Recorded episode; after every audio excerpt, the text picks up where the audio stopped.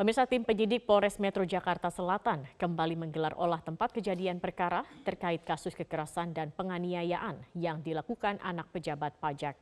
Penyidik juga memeriksa dua orang teman pelaku yang turut berada di lokasi pada saat kejadian, yakni AG yang merupakan kekasih pelaku dan S teman pelaku.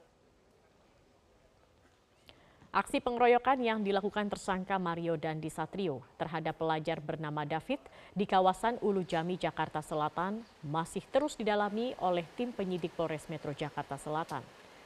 Tim penyidik Polres Metro Jakarta Selatan kembali melakukan olah tempat kejadian perkara. Selain itu, tim penyidik juga kembali memeriksa saksi-saksi yang berada di lokasi kemudian mencari rekaman video dari kamera pengawas atau CCTV hingga rekaman para warga yang merekam pada saat kejadian. Penyidik juga memeriksa dua orang teman pelaku, AG dan S, untuk mendalami peran keduanya.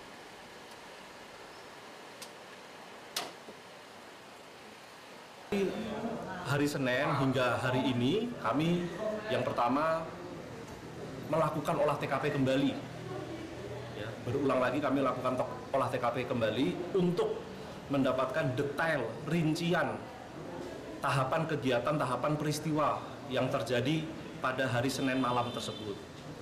Kami mencoba mendalami uh, mencari bukti-bukti uh, dari rekaman CCTV apakah terdapat rekaman CCTV yang menyorot langsung di tempat kejadian perkara khususnya pada saat terjadinya peristiwa tersebut. Selanjutnya kami juga mendalami untuk melakukan pemeriksaan terhadap saksi-saksi siapa saja yang berada di TKP baik sebelum, saat maupun pasca kejadian itu. Nah saat ini masih terus kami dalami. Informasi yang beredar ada dua pelaku bang, satu pelaku lagi gimana bang? Sampai saat ini ada satu tersangka, satu tersangka. Nah memang pada saat kejadian itu si tersangka ini sama dengan bersama dengan temannya mendatangi korban. Nah ini yang masih kami dalami. Apa sih keterlibatan atau peran si kawan itu? Hingga saat ini korban penganiayaan anak pejabat Direktorat Jenderal Pajak David masih belum sadarkan diri. LBH Ansor M. Hamzah mewakili pihak keluarga korban menyebut meski keluarga sudah memaafkan perbuatan pelaku, namun keluarga korban tetap akan melanjutkan proses hukum atas pelaku penganiayaan korban David sampai saat ini masih kritis dan belum sadarkan diri. Nah, sekarang David ada berada di ruangan apa ini Pak, kalau boleh tahu? Uh, di ruangan ICU. Nah, semalam David telah dipindahkan dari Rumah Sakit Medi Medika Permata Hijau ke Rumah Sakit Maya pada Kuningan. Lalu apa uh, tindak lanjut dari pihak keluarga nih Pak atas kasus ini? Uh, tindak lanjut dari pihak keluarga, dia pihak keluarga telah memberikan kuasa penuh kepada LBH GP Ansor untuk mengawal proses ini sampai selesai. Nah, terus uh, apa upaya yang telah dilakukan oleh pihak tersangka nih Pak? Katanya malam-malam kan uh, udah mendatangi korban dan gimana nih Pak? Benar, semalam orang tua pelaku telah me mendatangi keluarga korban. Mereka meminta maaf dan uh, menegosiasikan untuk berdamai. Mario Dandi Satrio, tersangka penganiayaan, merupakan anak pejabat pajak Rafael Alun Trisambodo. Dalam LHKPN, harta kekayaan Rafael Alun Trisambodo mencapai 56 miliar rupiah.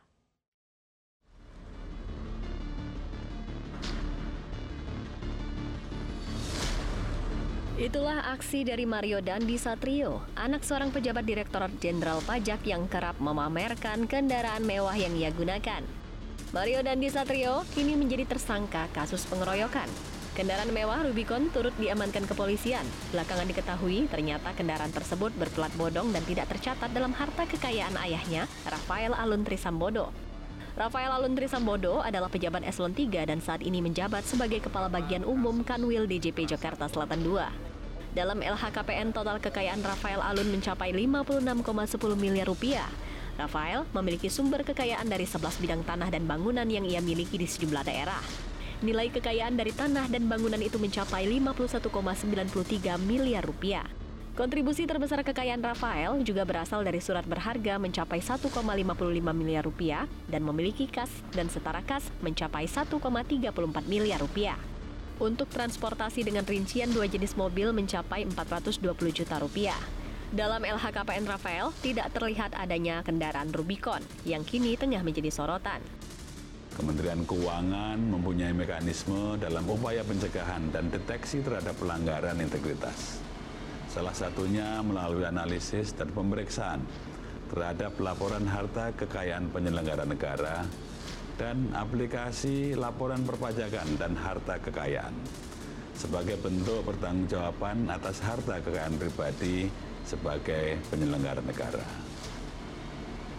Saat ini, unit kepatuhan internal Direktorat Jenderal Pajak bekerja sama dengan Inspektorat Jenderal Kementerian Keuangan tengah memanggil pegawai tersebut dalam rangka pemeriksaan. Mario Dandi Satrio sebelumnya terlibat dalam penganiayaan terhadap seorang remaja di kawasan Jakarta Selatan. Atas perbuatannya itu, Mario terancam hukuman lima tahun penjara. Kita ke informasi lain pemirsa, mantan Wakaden BP Ropaminal Divisi Propampolri Arif Rahman Arifin difonis 10 bulan penjara dan denda 10 juta rupiah subsidiar 3 bulan penjara. Majelis Hakim Pengadilan Negeri Jakarta Selatan menilai Arif terbukti melakukan perusakan CCTV hingga menghambat penyidikan pembunuhan berencana Brigadir Yosua. Vonis Majelis Hakim Pengadilan Negeri Jakarta Selatan ini lebih ringan dari tuntutan jaksa penuntut umum yang sebelumnya menuntut Arif dengan hukuman satu tahun penjara dan denda 10 juta rupiah subsidiar tiga bulan kurungan. Mantan Wakaden B Biro Paminal Divisi Propam Polri ini dinilai telah melanggar pasal 49 Jungto pasal 33 tentang ITE, Jungto pasal 55 ayat 1 ke 1 KUHP. Pada pertimbangan vonisnya, Majelis Hakim menilai ulah Arif yang dengan sengaja merusak barang bukti laptop telah bertentangan dengan asas profesionalisme Polri sebagai hal yang memberatkan. Sementara hal yang meringankan dari terdakwa Arif, di antaranya Arif mengaku dan menyesali perbuatan, belum pernah dipidana, punya tanggungan keluarga, serta berperilaku sopan dan kooperatif selama persidangan.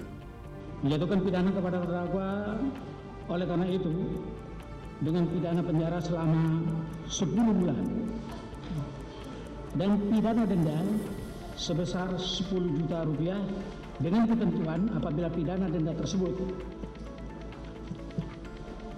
tidak dibayar maka diganti dengan pidana kurungan selama tiga bulan.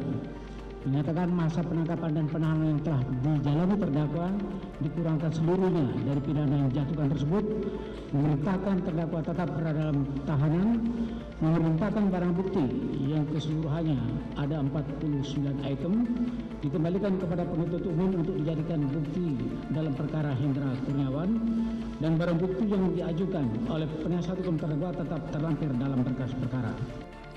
Menanggapi vonis 10 bulan penjara yang diterima anaknya, ayah Arif Rahman Arifin, Muhammad Arifin Rahim, langsung bersujud syukur di ruang sidang utama Pengadilan Negeri Jakarta Selatan. Hal ini dilakukannya karena vonis yang diberikan kepada anaknya lebih rendah dari tuntutan jaksa yang menuntut Arif dihukum satu tahun penjara dan denda 10 juta rupiah subsidiar 3 bulan kurungan. Atas vonis ini, dirinya mengucapkan terima kasih kepada majelis hakim, kuasa hukum, serta keluarga yang telah mendukung jalannya persidangan. Pertama, rasa syukur saya sampaikan kehadirat Allah Subhanahu wa taala bahwa saya merasa bersyukur dan bersujud kepada Allah. Karena itu suatu, suatu, suatu rasa keimanan saya dan kepercayaan saya menyatakan perintah seorang ya perintah kepada orang yang beriman orang muslim untuk selamanya mengucapkan syukur syukur berarti saya menerima apa yang telah disampaikan oleh majelis hakim dan itu adalah kehendak Allah Subhanahu wa taala Menurut jadwal, selain Arif, sebetulnya ada agenda sidang vonis lainnya terhadap dua terdakwa kasus obstruction of justice pembunuhan berencana Brigadir Yosua, yakni sidang vonis untuk terdakwa Hendra Kurniawan dan Agus Nurpatria. Namun sidang vonis kedua terdakwa ditunda hingga Senin 27 Februari mendatang karena majelis hakim tengah mempersiapkan materi putusan sidangnya. Pusat tekanan inflasi global terus melandai secara gradual dan ketidakpastian pasar keuangan global mulai mereda. Sejalan dengan itu, Bank Indonesia tetap mempertahankan suku bunga acuan BI 7 Day Reverse Repo Rate sebesar 5,75 persen. Bank Indonesia memprediksi pertumbuhan ekonomi global berpotensi lebih baik dari perakiraan dengan dihapusnya kebijakan zero COVID di Tiongkok. Pertumbuhan ekonomi global berpotensi lebih tinggi dari perakiraan sebelumnya 2,3 persen. Sementara itu, tekanan inflasi global melanda secara gradual dan ketidakpastian pasar keuangan global juga mereda.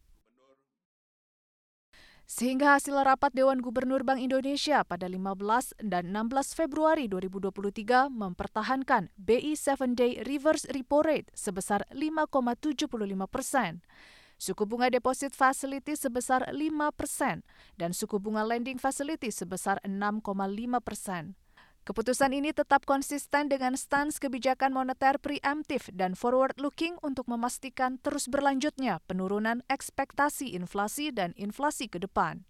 Bahwa BI 7-day reverse repo rate sebesar 5,75 persen memadai untuk memastikan inflasi inti tetap berada dalam kisaran 3 plus minus 1 persen pada semester 1 2023 dan inflasi indeks harga konsumen IHK kembali ke dalam sasaran 3 plus minus 1 persen pada semester 2023. Kebijakan stabilisasi nilai tukar rupiah untuk mengendalikan inflasi barang import imported inflation terus diperkuat dengan pengelolaan devisa hasil ekspor melalui implementasi operasi moneter falas devisa hasil ekspor sesuai dengan mekanisme pasar.